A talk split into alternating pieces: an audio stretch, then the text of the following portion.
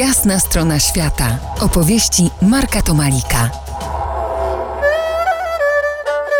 Moim i waszym gościem Marek Kalmus, filozof, tybetolog, autor wielu książek.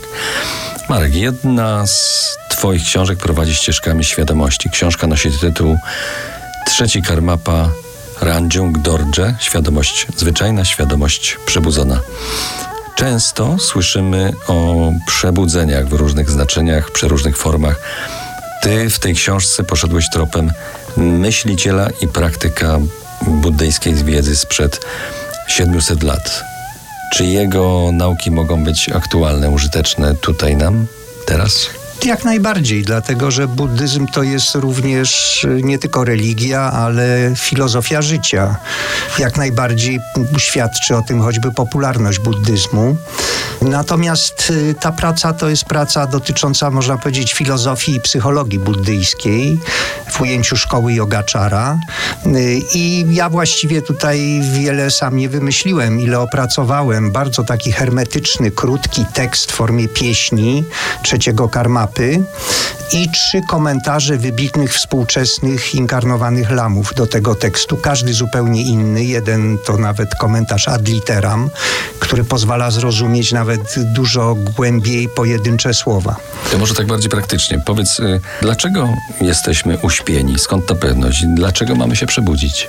No, w buddyzmie, w filozofii buddyjskiej i w naukach Buddy mówi, mówi się, że wszyscy jesteśmy Buddami, czyli istotami oświeconymi, ale y, jesteśmy, nie prze, mamy tą naturę Buddy, jest ona potencjalnie w nas zawarta, ale nie jest uruchomiona. Czyli jesteśmy tak jak słońce zasłonięte chmurami. Albo właśnie tak jakbyśmy spali w śnie niewiedzy, w śnie pomieszania, w śnie przyklejania etykietek do codziennego życia, do siebie samych, do innych ludzi i tak dalej. W świecie wartościowania, no i tak dalej. Natomiast nie widzimy, nie mamy oglądu całości, rozpraszamy się, i to jest ten nasz problem. W tym sęk, że nie tylko społeczeństwo zachodnie jest wyrodowane z duchowości. Jak ci się wydaje, jakie to może mieć, jakie to będzie mieć skutki w najbliższej przyszłości? Jest to równia pochyła? No, z jednej strony jest, z drugiej strony potrzeba duchowości w ludziach istnieje i nawet w takich krajach, gdzie z różnych przyczyn politycznych ta duchowość została czy zabroniona, czy, czy, czy właśnie zerodowana, wraca w momencie, kiedy tylko już zaczyna być wolno. Y, natomiast, no, szczerze mówiąc, patrząc na to, co choćby w Polsce mamy, to śmiem twierdzić, że to, co w tej chwili jest, to też jest efekt bardzo powierzchownego traktowania duchowości bardziej werbalnie, a na pewno nie z serca, jak to się mówi. No i mamy tego efekty.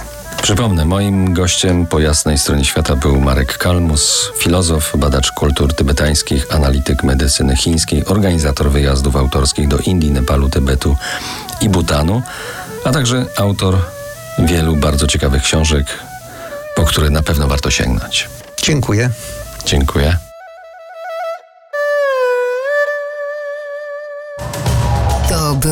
Jasna strona świata w RMF Classic.